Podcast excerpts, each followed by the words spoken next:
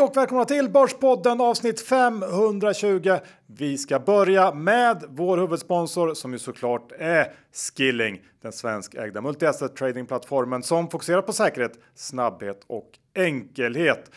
Och John, jag förundras ganska ofta över det enorma utbudet som Skilling har när det gäller CFD att trada. Och idag ska vi fokusera på VIX-index som ju är en intressant produkt. Ja, men det är en favorit bland många traders att handla runt just eftersom man kan få så enorma rörelser här. Och det är ju för att VIX-index är någon typ av re reflektion om hur eh, börsen mår eller om den är orolig eller om den mår bra. Ja, det är ett mått på volatiliteten och när det är lugnt och allt upplevs vara frid och fröjd, ja då är VIX-index lågt och om det händer saker och det blir oroligt på marknaden, ja då skjuter VIX-index i höjden. Och det är ju precis det som har hänt här förra veckan. Ja, när USA fick eh, sänkt kreditbetyg så stack ju VIX-index upp Eh, annars får man väl säga att eh, det har varit ganska lugn period för VIX-index eh, som håller sig nu kring 16-17 nivån. Ja, och VIX-index kan ju också vara ett intressant sätt att hedga sin portfölj med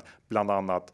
Titta på det. Skilling erbjuder som sagt handel i VIX-index och sen vill vi också bara nämna Skillings nya kapitalförsäkring i samarbete med Hubins.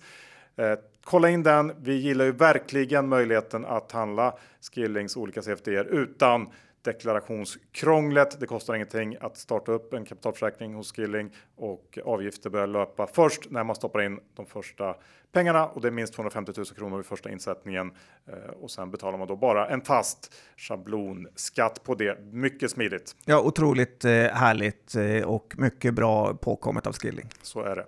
Men kom ihåg att 82% av retailkunder får pengar när de handlar CFD så besök skilling.com för en fullständig ansvarsfri Och med det John så säger vi bara stort tack till Skilling! Ny vecka John, nytt avsnitt av Börspodden i den här lite halvtråkiga perioden vi är i just nu börsmässigt. Inspirerande eh, försnack Johan. Det som däremot är inspirerande är att du sa att jag såg ut lite som Freddie Mercury nu här innan. Jag vet inte om det var någon psykning inför avsnittet. Jag hoppas inte det. Det har lite sån utstrålning tycker jag. Kul att höra. Hoppas jag kan leverera som han i dagens avsnitt. Hoppas jag med. Nu kör vi! Johan, Dr. Bass Isaksson, index står i 22,10. Vi var och nosade lite under eh, den här eh, jämna nivån på 2200, men studsade direkt upp igen. Berätta börsläget för oss. Bonero stämde av som någon TA-kille hade sagt. Ja, men, det är ju, en kurs. Ja, vem vet om det ska upp eller ner. Eh, men det jag vet är ju det jag var inne på tidigare, att vi är i en lite halvtråkig period. Det är sluttampen av rapportperioden det känns som att folk inte riktigt heller kommit tillbaks till jobben och det är ganska allmänt segt på marknaden tycker jag. Men på en front så har det faktiskt börjat röra på sig och eh, det här är någonting som jag gillar. Du kan nog inte gissa vad det handlar om. Ja, då ska jag inte ens försöka. Nej, inte än i alla fall. Men jag tänker på allt det eh, som gjordes under pandemin för att underlätta för företagen. Alla stöd, uppskjutna skatter och så vidare. Allt som förr eller senare ändå måste betalas tillbaka det verkar hända nu, för i juli så steg antalet konkurser till den högsta nivån på 10 år från att under en väldigt lång period legat under det historiska snittet. Och varför vet jag allt det här? Det vet jag inte Johan, för att du kanske äger en konkursfirma som du är så stolt över. Ja, eh, Riktigt i Dr. Bass-aura, ja, äga en konkursfirma. Kanske borde äga en begravningsbyrå med så har du liksom ett helt imperium. Äger, jag har ett onoterat innehav som då tjänar eh, mer desto fler människor som är inblandade i konkurser. Så det är lite, kan en del tycka kanske omoraliskt eller fel, men det finns också något sunt med det. Ja, det tycker jag inte. Det börjar bli som Benson, att du har så stor del i onoterat och du måste skryta om det hela men, tiden. Nej, men det var det att jag, därav så håller jag lite koll på antalet konkurser.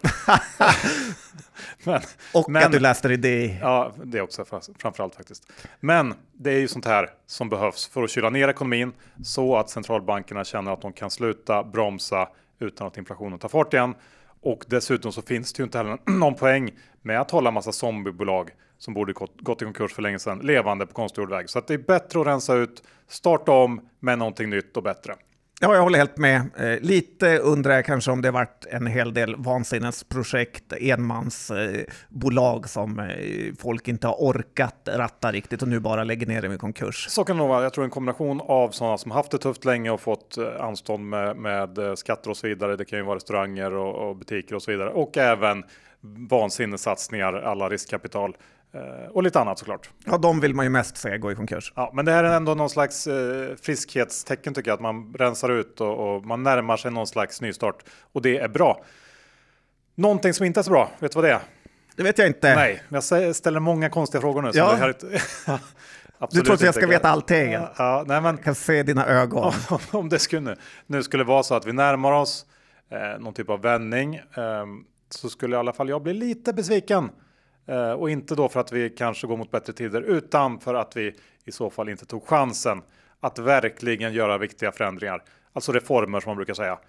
Som då Har du gått någon retorikkurs i sommar eller? Det är reformer och det är här, eh, frågor som jag inte har något svar det, på. Det, det är så här man pratar svenskan. Mm. Eh, men som skulle, saker som skulle kunna förbättra Sverige på riktigt, tänker jag. Som, som kan lägga grunden för nästa framgångsvåg. Känner du att det har gjorts sånt sista åren? Verkligen inte. Nej, och känner du också nu när jag tar upp det här att det finns en besvikelse över att man inte tog den chansen? Uh, för att det är ju under sådana här perioder som man har lite chansen att göra förändringar. Ja, verkligen. Ja. Vad tänkte du på eller? Nej, men det kan vara att ta bort uh, krångliga här, regelverk. Vi har pratat om det. Uh, regelverk är inte bra.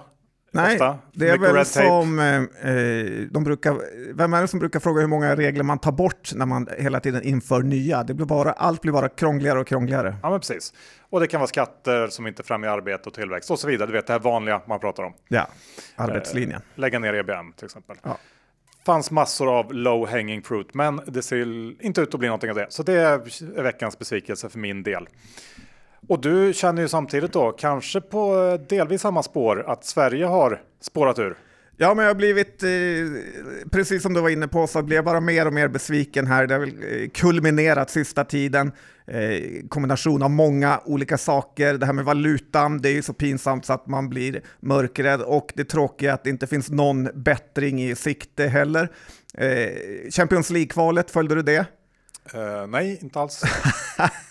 Av de här allsvenska mästarna, alltså Göteborgslaget Häcken, Hur kan, alltså, finns, åkte ju ut mot ett lag från Färöarna. Och eh, då som målvakt i det här färöiska laget var en reservmålvakt då. Han var reservmålvakt i Umeå FC 2011. Var Ja, han hade varit i Norge. Okay. Eh, han spelade back i division 5 i våras och nu eh, slår han alltså ut de eh, svenska mästarna ur Champions League-kvalet. Och det bor ju ungefär lika många människor på Guldheden i Göteborg som på hela Färöarna. Eh, Djurgården och Hammarby var inte mycket bättre, utan den här sportloserkänslan börjar komma över en ordentligt nu. Det är väl bara damerna som kan rädda oss här inom fotbollen. Men sen har vi också lyckats bli någon typ av turistland för koranbränningar, eh, vilket också är sinnessjukt meningslöst. Att folk eh, ut, eh, utifrån kommer hit och bränner upp Koranen och sen retar de sönder resten av världen. Vi måste sluta med det här. Det är ingen vanlig svensk som bränner Koranen. Saudi kan betala 10 miljarder för Mbappé så att vi kanske borde tänka lite på att vi ska göra affärer med dem istället, istället för att reta upp dem. Eh, dessutom så verkar vi inte komma med NATO heller. Eh, supervänstern vill ju bränna Koranen för att de hatar religion och ultrahögern för att de är rasister. Men alla vi andra vill bara ha det lugnt och skönt och helst bli lite rikare på kuppen och inte att alla andra hatar oss och inte vill göra affärer med oss. Så att eh, Nej, på riktigt så tror jag att det här börjar påverka investerarviljan i Sverige. Det är bara att kolla på börserna och eh, valutan. Ja, men så är det nog faktiskt, tyvärr. Uh, och det finns ju inga turister i Stockholm ska man lägga till heller. Det är otroligt eh, tomt på eh, gatorna. Nej, för farligt att åka hit. Ja. ja. Du, eh, vi, när vi ändå är inne på tråkigheter så har ju eh, ett beroende ökat kraftigt här på slutet. Ja, det, man skrattar ju lite åt det här. Det har varit massa artiklar nu ute om det här aktieberoendet, eh, vilket i min mening är ju totalt bullshit. Utan det här är ju det vanliga, att folk försöker tjäna tillbaka pengar eh, efter förluster och då tar man ännu högre bets. Och sen behöver man någon att skylla på. Världens mest legendariska trader, Jesse Livermore, eh, som kanske skrivit den bästa tradingboken som någonsin gjorts, den här Reminiscences of a Stock Operator. Den kom väl ut för ungefär 100 år sedan, men det är ändå den bästa. Alla borde läsa den.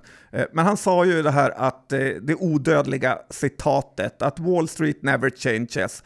The pocket change, the suckers change, the stock change, but Wall Street never changes. Du vet, du grimaserar lite. Ja, det var ja, så är det. Nej, ja. men det är ganska härligt. Det är ju så att eh, folk kommer alltid vara giriga och vilja, eh, vilja eh, tjäna pengar på eh, börsen och ta eh, stora risker. Ja, så det. Såklart. Om Kim 23 späckar bort alla sina pengar på börsen eh, så är det inte hela världen och jag kan säga att det är betydligt bättre och smartare personer än hon, han som har förlorat precis allt på börsen. Det är bara att kolla på Ilja nu senast. Eh, så jag tycker man kan lägga ner allt det här snacket om aktieberoende. Ja, både ja och nej. Jaha. Nej, men jag menar, jag, förstår vad du menar. Eh, sen så tycker jag att det finns ju, både du och jag har ju varit aktieberoende nu i över 20 år, men det vill komma till att det, det går ju att leva med det. Ja, och det är snarare positivt att ja. vara beroende av aktier Absolut. än något eh, annat. Eh, och eh, ja, men som du sa där, det, det alla gör ju på det här sättet ungefär som beskrevs. Jag läste den här artikeln i Svenskan om det var den du tänkte på. Ja. Eh, att man eh, vill tjäna massa pengar snabbt i början och tar alldeles för riskfyllda bett och då slutar det med att man förlorar massa pengar istället. Och så lär man sig någonting av det och sen så testar man igen. Ja, det så, värsta är ofta när det börjar med att gå bra så tror man att det är lätt och eh, sen förlorar man mer än man startar med. Ja, och att det har blivit fler kanske som har upplevt den här typen av resa. Det beror väl helt enkelt på att uh, det här är någonting som blivit väldigt stort i Sverige.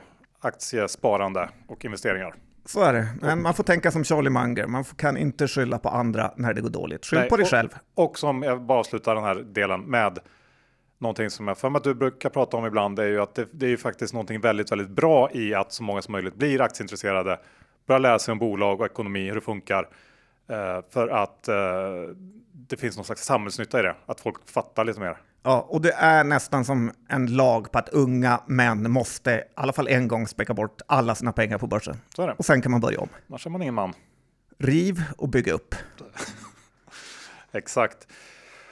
Sen är ju veckans eh, kanske hetaste område är ju fetma. Det är det. Det har varit lite så här fetmafest på börsen sista 24 timmarna. Danska Novo Nordisk och amerikanska Eli Lilly hade ju börsfest igår och steg båda med ungefär 15 procent var. Och det här är ju absurt eh, stora bolag som är värda kring ja, 5 000 miljarder kronor. Eh, alltså enorma, enorma eh, bolag. Eli Lilly är ju faktiskt lite större än Novo Nordisk. Vet förresten vad Eli Lilly är mest känt för? Ingen aning faktiskt. Det är att de kom på Prozac, eh, lyckopillret. Eh, blev väl stora med Sopranos när han började ta det. Eh, hur som helst, kuriosa som de säger, som jag lärde mig på din retorikkurs Johan. Bra. De, eh, Lilly har ju sin, kom med resultat igår då som visade att det är preparatet mot diabetes och övervikt som heter Munjaro har börjat sälja otroligt bra och eh, Novos liknande eh, preparat, då, Vegovy tror jag man säger, hade lyckade studier. Eh, det roliga med de här preparaten är att de är egentligen framtagna mot diabetes, eh, men man har upptäckt att de fungerar väldigt bra mot viktminskning också. Och eftersom hela världen numera är obese så är den här sektorn verkligen framtiden. Dock ska man ju komma ihåg att det här är inga tabletter, utan det här är injektioner. Och det är inte heller någon extrem viktminskning man får av de här injektionerna. Så lite förundras man ju över vad människor är beredda att göra, eh, förutom att äta mindre och motionera mer. Eh, hur som helst, det finns otroliga pengar att göra i den här sektorn, så att, eh, kan man ens komma på något bolag här inom viktnedgångsbranschen så kommer man bli rik. Du vet ju att jag också har en annan rolig grej är ju att jag har ju en eh, liten aktiedepå som jag haft sedan 2009 där jag stoppar in typ 10 000 kronor i något bolag och som jag sen aldrig får sälja. Mm, Okej, okay, det visste jag inte. Ändå nära kompis här. Eh, I den här depån då så köpte jag Ila Lilly för 5 000 kronor 2009 och 5 000 till 2010. Eh, det här mini-mini-innehavet eh, är nu värt 220 000 kronor. Det har alltså gått upp över 2000 procent eh, och det sjuka är att utdelningen också under den här tiden varit 11 000. Så att ibland är det lönsamt med aktier. Vad har du med den där? Ja, men det är så många bolag så. Men för de flesta har ju inte gått i närheten. Eller det här är ju bästa bolaget. Men ja. det var kul att det hände något igår. Ja, men verkligen. Jag... Och när jag köpte det, jag kollade på notan idag faktiskt, så stod dollarkursen i 6,75 och det här är alltså 2010 så att det, eh, det kan gå fort när man kör ett land i botten. Verkligen. Ja, det där är ju väldigt spännande. Jag reagerar. Jag fastnar liksom nästan i tanken när du börjar prata om Prosec. Du börjar tänka på Losec.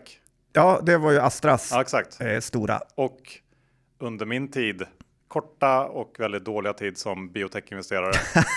Kommer du ihåg när, vi, när Bioevent hade sitt enda liksom investerar-event. Ja, och du hamnade eh, bredvid gubben som sa att han hade kommit på Losec. Ja, och så sa han till mig så här. Ja, det här som blir, alltså det är det bästa jag sett sen Losec. Det var in, man blir ju inte mindre håsad då. Nej, och jag satt bredvid Svein och jag blev inte heller mindre håsad. Nej, usch, man ska inte gå på sådana där grejer. Nej. Men när vi eh, ändå varit inne på det här eh, området nu så tänker jag närliggande det är ju, har någonting med Torsten att göra, New Wave. New Wave, ja. Du har ju också börjat följa Torsten på Facebook. Ja, men han är ju totalt eh, underbar.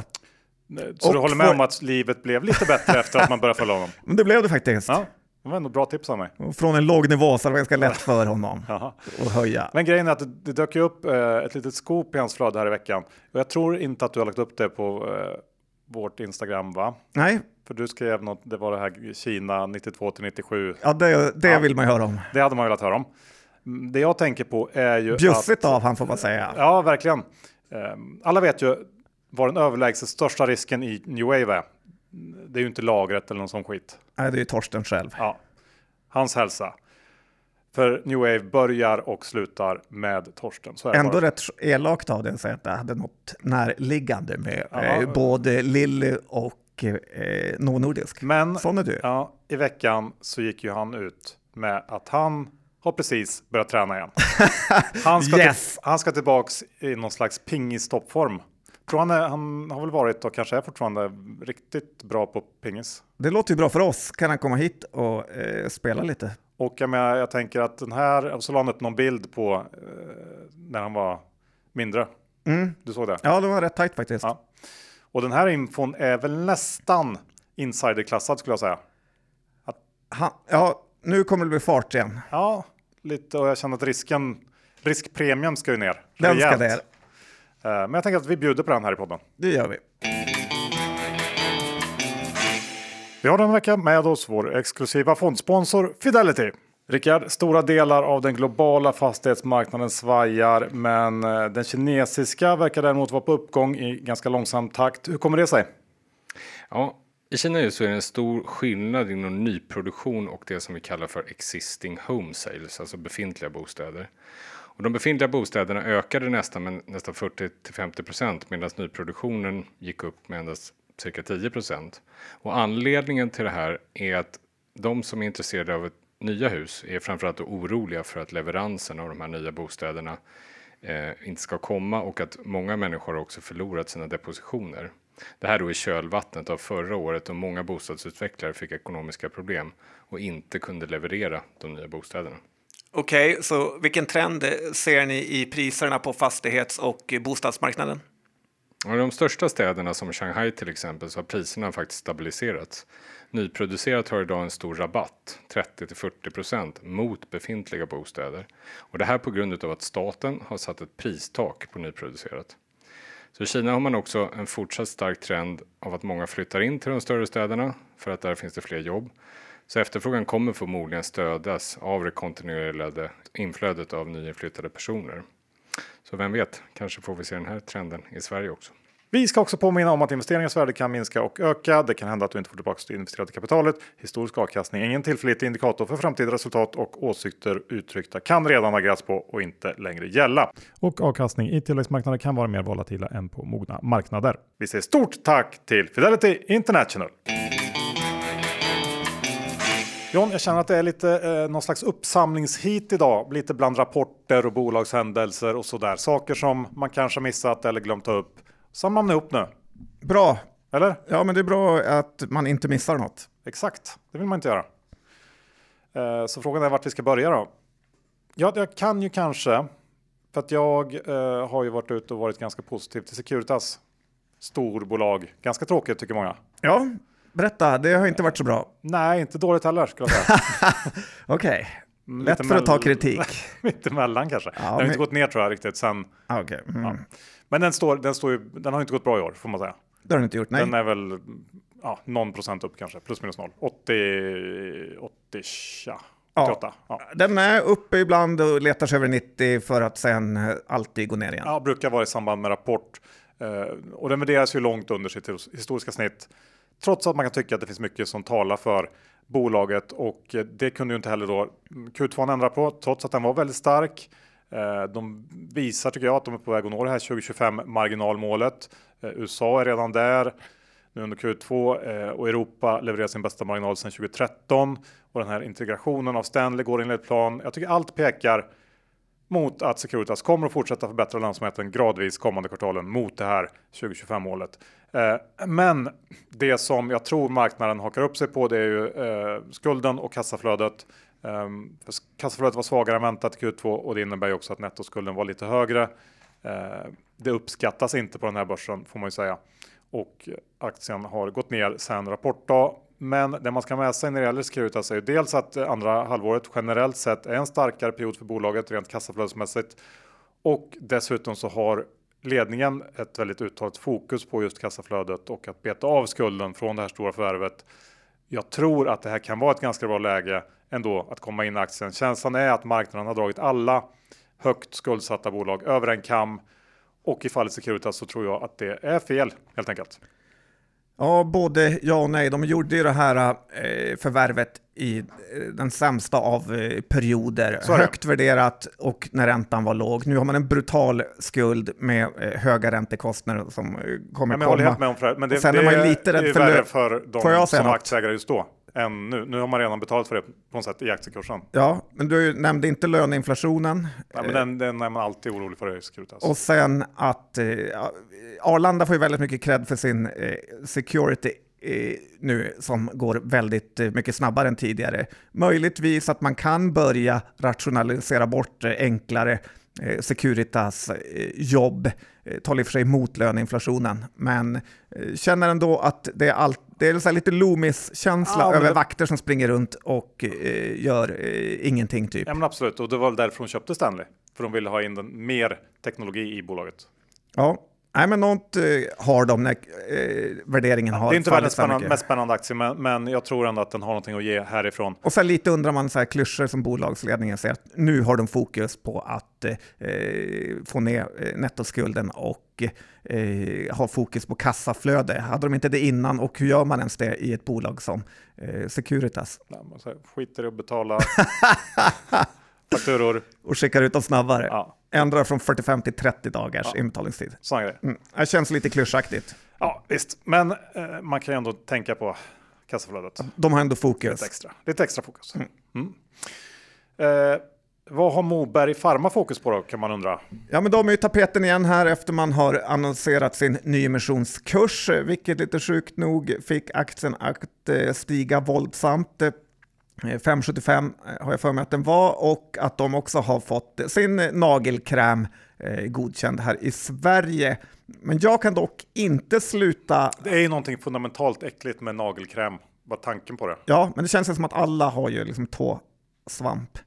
Eh, så det borde ändå vara en fin marknad här. Men det jag inte kan sluta tänka på det är ju hur Peter Wolpert kom undan med en av de här tidernas största kupper genom att tömma ett bolag på pengar inifrån, eh, enligt mig eh, ska då sägas. Hur efter att Moberg sålt sin receptfria del delade ut alla pengar precis innan studien av Mob 015 blev kvar.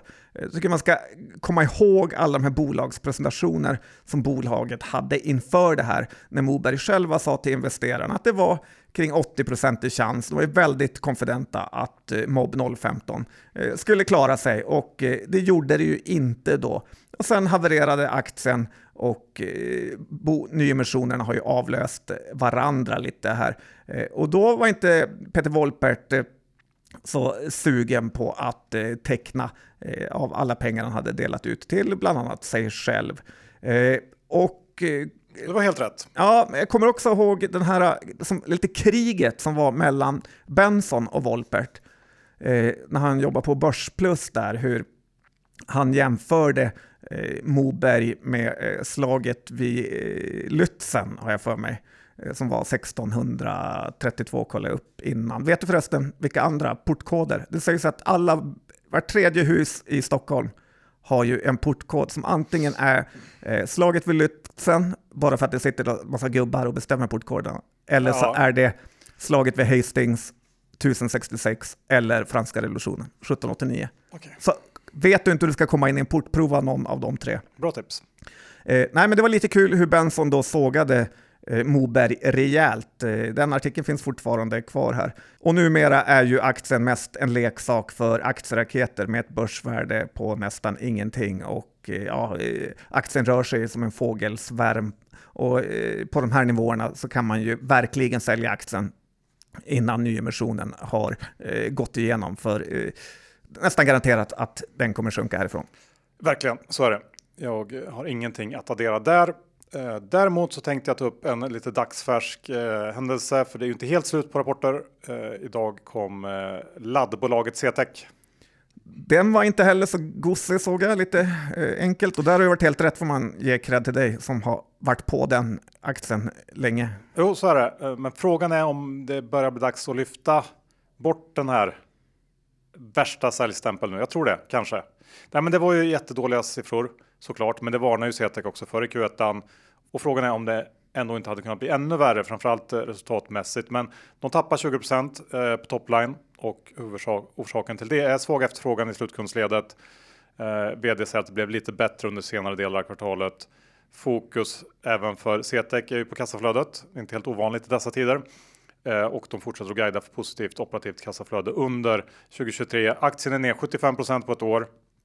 Men någonstans kommer det att vända. Man kan väl ändå tänka sig att det kommer att behövas lite fler laddare där ute kommande år. Nu tror jag i och för sig att man får ställa in sig då om man är aktieägare i CTEC på eh, ytterligare ett par riktigt dåliga kvartal. Men under nästa år så borde ju CTEC kunna växa igen. Men frågan för mig på lite längre sikt, det blir väl vilka marginaler man kan kräma ur den här affären. Och det har vi liksom varit inne på tidigare när det gäller CTEC att det kanske inte är så high tech Eh, som man kan tro och som de vill eh, få det till i början. Eh, de har själva ett mål att kunna tjäna 20% i ebitda marginal på medellång sikt. Och det här är ett mål som man faktiskt satte tidigare i år. Eh, Då man justerar ner målet från 25 till 20 Når man dit så är det ju jättebilligt eh, på sikt, men jag vet inte, det känns ju väldigt, väldigt tveksamt att de gör det. Men det kan ändå vara värt att börja kolla på tycker jag. Så jag tar bort min, eh, min eh, liksom hatstämpel på aktien här.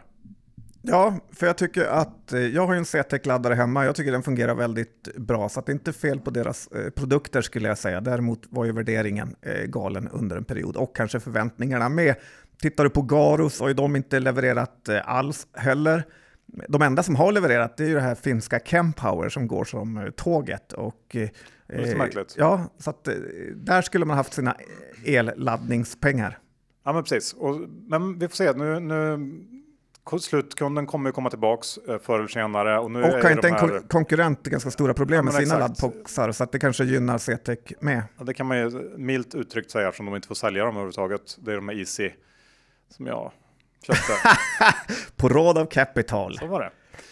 Uh, nej, men så att det, jag bara säger att nu har jag gjort mitt i den uh, aktien CTEC på uh, nedsidan. Ja, men vad snyggt. Du får mm. ringa Fraser och säga att du är redo för ett jobb. Du kan ja. skriva en analys eh, till honom för 10 000 eh, pund. Kan jag göra. Du, eh, Orrön då?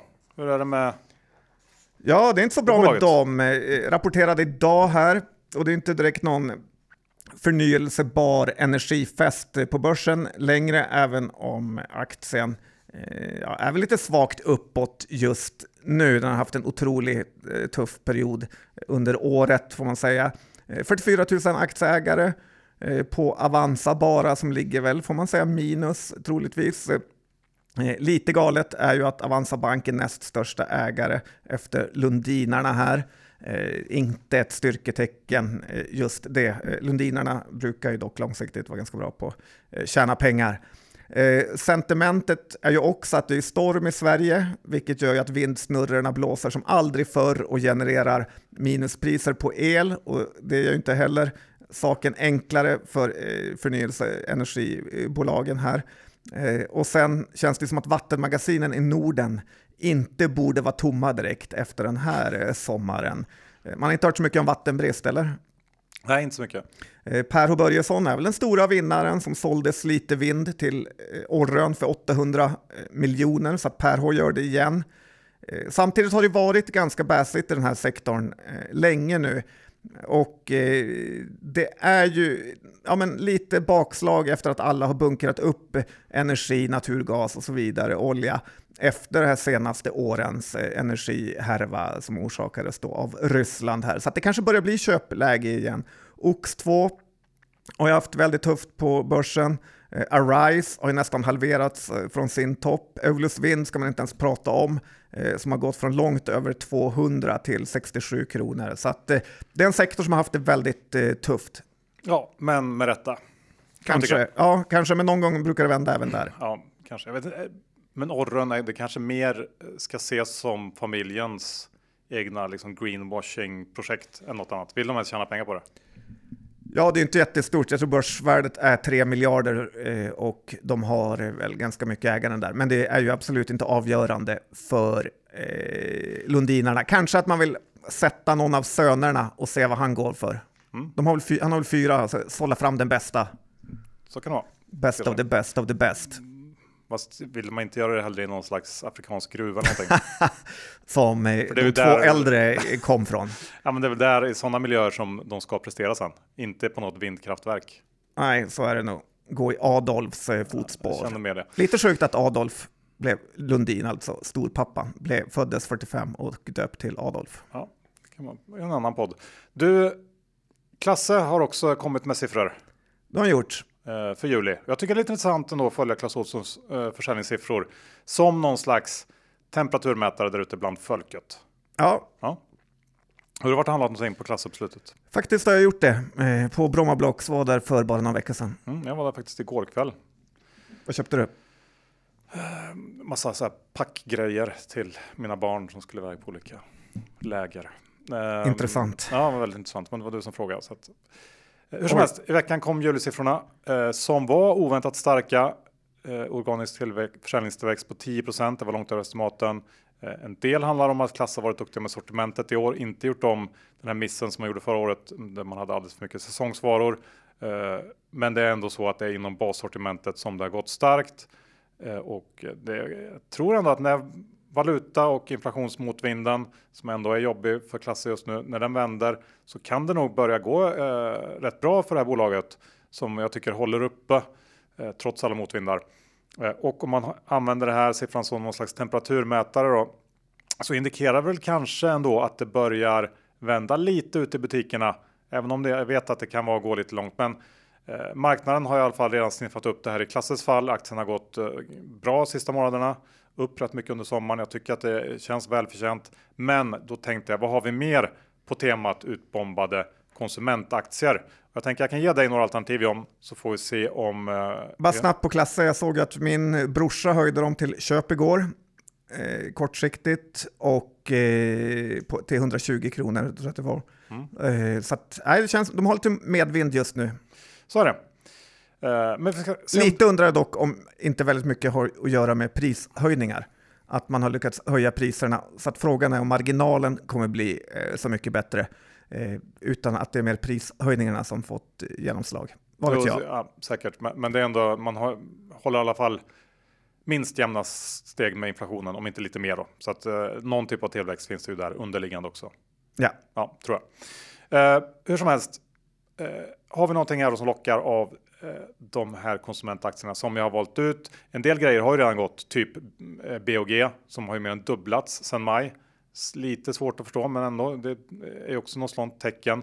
Men eh, vi har några fler. Jag tänker Får jag BOG får jag bara säga där, Ja. lite orolig blir man ju för det här vädret. Det är inte så att man har varit på supersnickerihumör. Kanske också Byggmax borde oroa sig där lite. När det har regnat hela senaste månaden så är det möjligt att eh, Q3 som annars är jättebra kvartal för den här typen av bolag eh, får det väldigt tufft när det lite har regnat eh, bort. Det kan ju vara grejer som måste byggas upp också igen.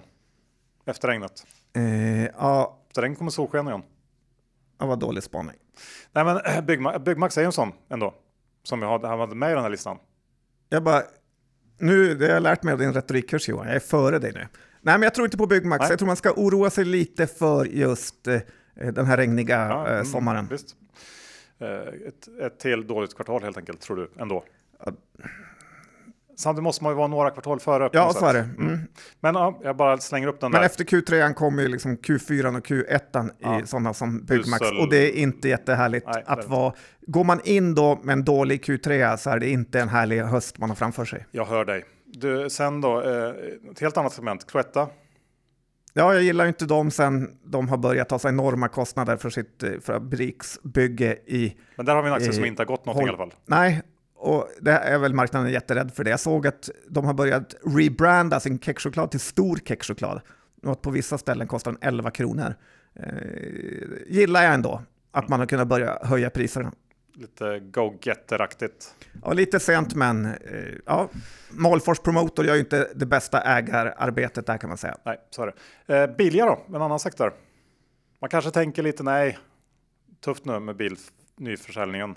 Ja, Å andra sidan mycket service, nästan allt. Det är det de lever på. ja, Billigt, P under 10. ja, men det gillar man lite. Frågan är hur mycket konsumenterna eh, vill spendera nu när man är lite pressad. Ja, samtidigt vill man väl hålla bilen i, i fint skick så man slipper onödiga kostnader. Ja, Skippa kanske inte servicen ändå. eh, nej. Jag bara slänger upp den där. Ja, jag tänkte också om ekonomen skulle Ja. kunna vara intressant. De hade ganska dålig eh, Q2 förra året, har inte kommit med sin Q2 för i år.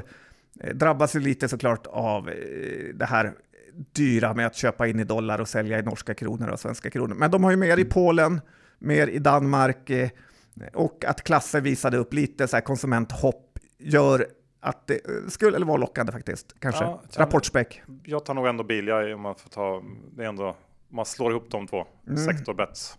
Ja. ja, de har ju redan kommit med sin rapport, Bilia. Ja. Så att, eh, Men ändå. Ja, Det känns som att, men visst, okej. Det, det, och sen så tänkte jag också ta en liten sån här, om man är lite extra risksugen. Eh, Nobia, kök, ett av börsens absolut sämsta bolag. exakt. Ja, då skulle jag hellre välja Svedbergs där. Nobia är väl också eh, stort fokus på UK och det känns som att det landet har havererat lite grann. Mm. Lite tidigt kanske. Kanske. Och eh, hyfsat stor risk att man får vara med i någon slags nyemission. Ja, det är det. Ja. Fokus på kassaflödet. Ja, nej, men det var bara några som jag tog upp. Eh, Vilka gillar du bäst själv? Eftersom du tog upp dem. Eh, ja, för sig, jag hade en till också. Som är lite mer om man går upp några steg i, i storlek. Eh, Electrolux. Också väldigt hatat. Väldigt hatat. Eh, var Väldigt ju bud dåligt. på nästan, den var ju väl uppe i 180 och det var snack om bud och sen har den helt havererat. Ja, precis. Eh, men lite samma tänk där. Någon gång så Men- ska det ju vända. Långsiktigt ska man aldrig äga Electrolux. Nej. Ingen bryr sig om du köper en Bosch Electrolux eller eh, vad de nu heter. Nej, så är det ju. Men i vändningarna. Ja, i vändningarna. Ja, men det, det kan vara för tidigt. Sen hade jag ju här grejer som, men Thule till exempel har ju gått redan jättebra tycker jag. Ja. Svårt att se, det är väldigt stor spread i de här eh, olika konsumentinriktade bolagen ändå. Ja, ska vi gå vidare? Vi Sen har vi kört fast. Det har vi. Eh, vi går över till diagnostik John. Det gör vi. Eh, Det finns det tre diagnostikbolag på börsen. Eh, Vad tycker du ger mig rätten att eh, gå igenom dem, Johan? Ja, egentligen ingenting mer än att du har förlorat pengar i, i alla fall ett av dem. Okej, tack. Jag tänkte på något trevligare. Att jag till exempel är läkarson, Johan. Det, Så att man kan ju en hel del kan man säga. Jag lite gett upp det här med att jag kom från ingenstans, sen eh, snåljåpen kom från ett getto i Eskilstuna och eh, Rudell från en förort i Halmstad. Nej, men vi kan titta på de eh, bolagen här. Eh, det är ju Bool, Cellavision och Medicover. Vill du ta dem i storleksordning eller kvalitetsordning eller ska jag bara köra på? Jag bryr mig faktiskt inte så mycket utan gör vad du vill. Gör Storlek. Det. Storlek. Ja, men då kör vi på Medicover här då. Det är ju jätten som ägs av familjen Jocknick och ett börsvärde på 23 miljarder eh, med fokus på Östeuropa. Den här aktien pikade i 370 och står nu i 150. Eh, är fortfarande ganska dyr, även om tillväxten är bra här. Man har nyligen gått in i Indien. Många analytiker gillar det här bolaget. Eh, för mig eh, tycker jag att den är lite för dyr och det är lite, nästan för mycket kvalitet eh, för att jag ska vilja köpa den. P-tal kring 40, även om det sjunker en bit eh, framöver här. Så det är svårt att säga så mycket om det här bolaget mer än att eh, man får ta rygg på framgångsfamiljen Jocknick som brukar göra en långsiktigt rik. De är väl mest känd för Oriflame eller något annat du kan komma mm. på. Det kan ju inte ha blivit så bra när de köpte ut det nu. Eh, nej. Ändå mycket Ryssland. Ja, just det. Det har pratats väldigt lite om det. Mm. Kanske för någon rikt, riktig journal dyka in i tackar de för. Många småsparare de köpte ut det. Ja, ja det var snällt av dem. Ja, men det går ingen nöd på dem. Nej. Du behöver inte tycka synd om dem. Nej, ingen som gör. Nej. Sen Nästa har då. vi ju det här favoriten bland många och det högkvalitativa valet eh, i den här sektorn då som är Cellavision. Eh, Kommer du ihåg när jag battlade med Labull på Twitter om eh, att den här aktien var övervärderad eller inte? Då stod den typ 30 Vagt. kronor. Ja. Så att eh, där har man hyfsat fel. Eh, helt Men kvalitetsstämpeln har väl liksom fallit lite på sned på slutet? Ja, inte, jag skulle inte säga mer att det har varit tufft i hela sektorn där med eh, olika problem som alla den här typen av bolag eh, har. Eh, folk blir också lite hårda i brallan här när de ser ägarlistan med William Demant, Gran, Grenlunden, alltså Martin Gren och Harald Lundén. Eh, som har något typ av gemensamt bolag här. Även Skånelegenden Christer Foreus är med i Cellavision. Han var grundare av bolaget va? Ja, det var nog. Eh, äger fortfarande mycket aktier här. Och eh, Cellavision är ju lite premium för att deras maskiner är svindyra. Och de säljer ganska få av dem, men de är dyra. till skillnad från Medicover och Bulls enklare eh, Eh, maskiner, diagnostikmaskiner. Eh, Cellavision brukar alltid vara köpvärt på dippar och så även den här gången när deras usla Q1 kom och aktien var nere på 150. Eh, Q2 var ju bra och då studsade aktien upp till 220 och nu faller tillbaka lite grann. Men smakar det så kostar det som de sa på din retorikkurs Johan. Det är price sales är kring 7 och det är väldigt högt. Så att Cellavision är lite som eh, Vitrolife eh, känner jag, att det är inget man egentligen äger över tid, vilket man kanske borde. Men det är en spännande tradingaktie. Okej, okay, och sen Bull då, sista? Sopan, mobbingoffret, ja. underpresteraren. Vill du lägga till något?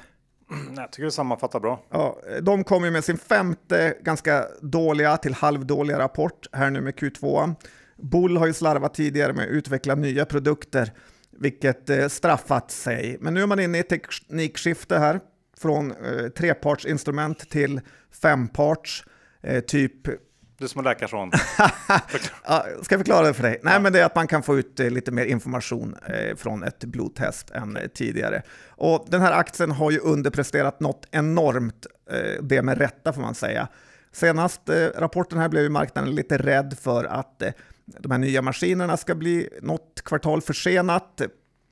Och eh, eh, jag börjar ändå vara inne på att det luktar lite köpläge här, kanske för att jag äger aktien redan, men främst av anledningen till att all skit som kan hända, det känns som att den har hänt. Det är pandemin så att folk inte gick till vårdcentralerna och testade sig, komponentbristen så att marginalen kraschade, det har varit nyemission och nu senast försening. Eh, men det är extremt hög risk här så att eh, jag tycker ingen ska ta rygg på mig. Det är ett schysst sätt att se på att de fuckar upp allting. Ja, det har de ju gjort. Eh, men frågan är hur mycket sämre det kan bli. Mm, jag vet inte. Nej, eh, lite känns det som att... Det är de har... svagt och, inte, och liksom den här förseningen. Ja. Svagt. Ja, ja. det är det Johan. Ja. Men visst. Det är som att du njuter säga taskiga saker. Sån är du. Nej, men jag, jag håller med dig. Någon, någon gång så... så Kanske. det, kanske. Men det är lång väg tillbaka till eh, fornstora dagar. Ska vi ta en titt på Serad menar vi ändå lite inom den här sektorn? Det tycker jag. Så att eh, läkarsonen kan berätta lite. Rydells favorit. Ja, faktiskt. Och eh, jag vet inte om du har följt det, men det blev ju offentligt via Holdings här att Link, Ja. alltså Bengt Julander, har börjat köpa in sig här. Eh, väldigt spännande tycker jag. Rydell pratar ju mycket eh, om hur intressant det här caset är. Eh, det blir inte mindre intressant för att en av Sveriges bästa biotech-investerare har börjat lasta in aktier. Det är inga enorma nivåer, men ändå, ändå spännande. Research och Elekta, kanske framförallt Research, har ju gått väldigt bra sista månaden här, så att eh, det är inte omöjligt tycker jag att Serad har lite mer uppsida. Eh, det bästa är väl kanske att man har någon typ av golv eh, här omkring 29 kronors nivån när Julander har visat att han är beredd att öppna storplånboken.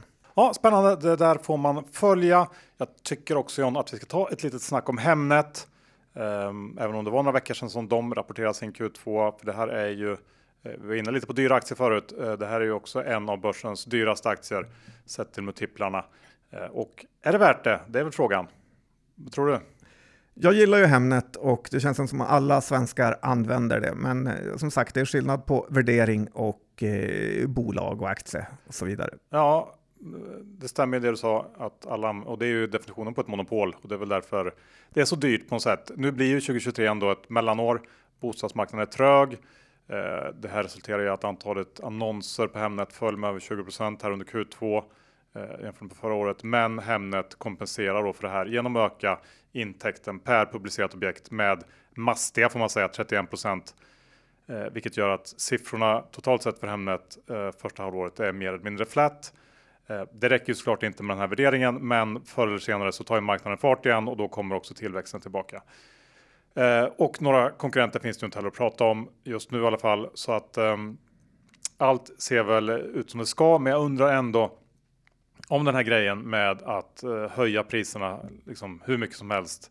Eh, kommer det verkligen gå i, i liksom förlängningen? Jag, jag har ju sålt ett hus här under våren och eh, fick betala 10 000 för annonsen på Hemnet och det är ju inte så mycket att grina över i det stora hela.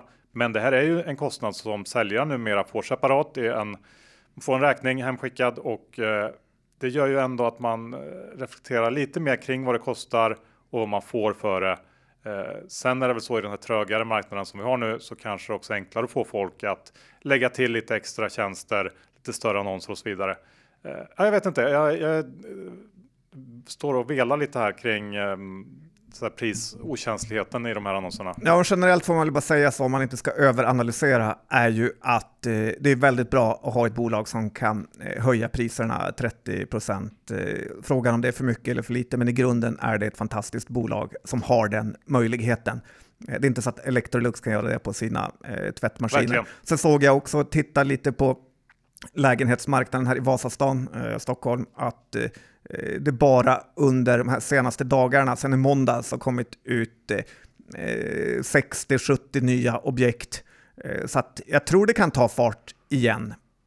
Så är det nog. Eh, Så att jag räknar inte ut dem. Jag vet Nej. att många andra gör det. ja, jag vet inte vilka de är för börsen räknar ju definitivt inte ut dem. Aktien är upp 50% i år. Eh, så det känns ju inte som att den är uträknad på något sätt alls. Nej, men lite så här enkel att hacka på på Twitter. Ja, så är det. Och, och i poddar. Ja, Eh, nej, men så att det, det är väl, eh, vad ska vi säga, kontentan är att den är dyr och det ska den vara. Eh, jag tycker inte att det känns jätteintressant att köpa den här dock. Upp 50% i år. För det finns ju ändå en, en fruktansvärd nedsida om det händer någonting oväntat. nej, men du behöver inte säga det. Dr. Bass köper inte sådana aktier. Nej. Men det tror jag inte du heller gör. Nej, men det gör jag inte heller. Nej.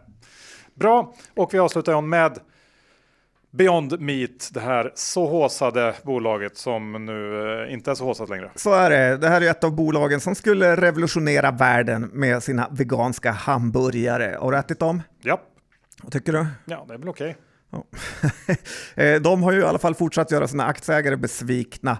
Eh, Beyond Meat rapporterade igår tappade 15 procent och handlas nu i 13 dollar jämfört mot sin topp på 235 dollar. Eh, Nu sa ju bolaget att man inte längre kommer att vara kassaflödespositiva under det andra halvåret, eh, vilket man lovat trots fokus på kassaflöde Johan. Eh, men det fick ju aktien att bli ännu mer slaktad. Var det kul?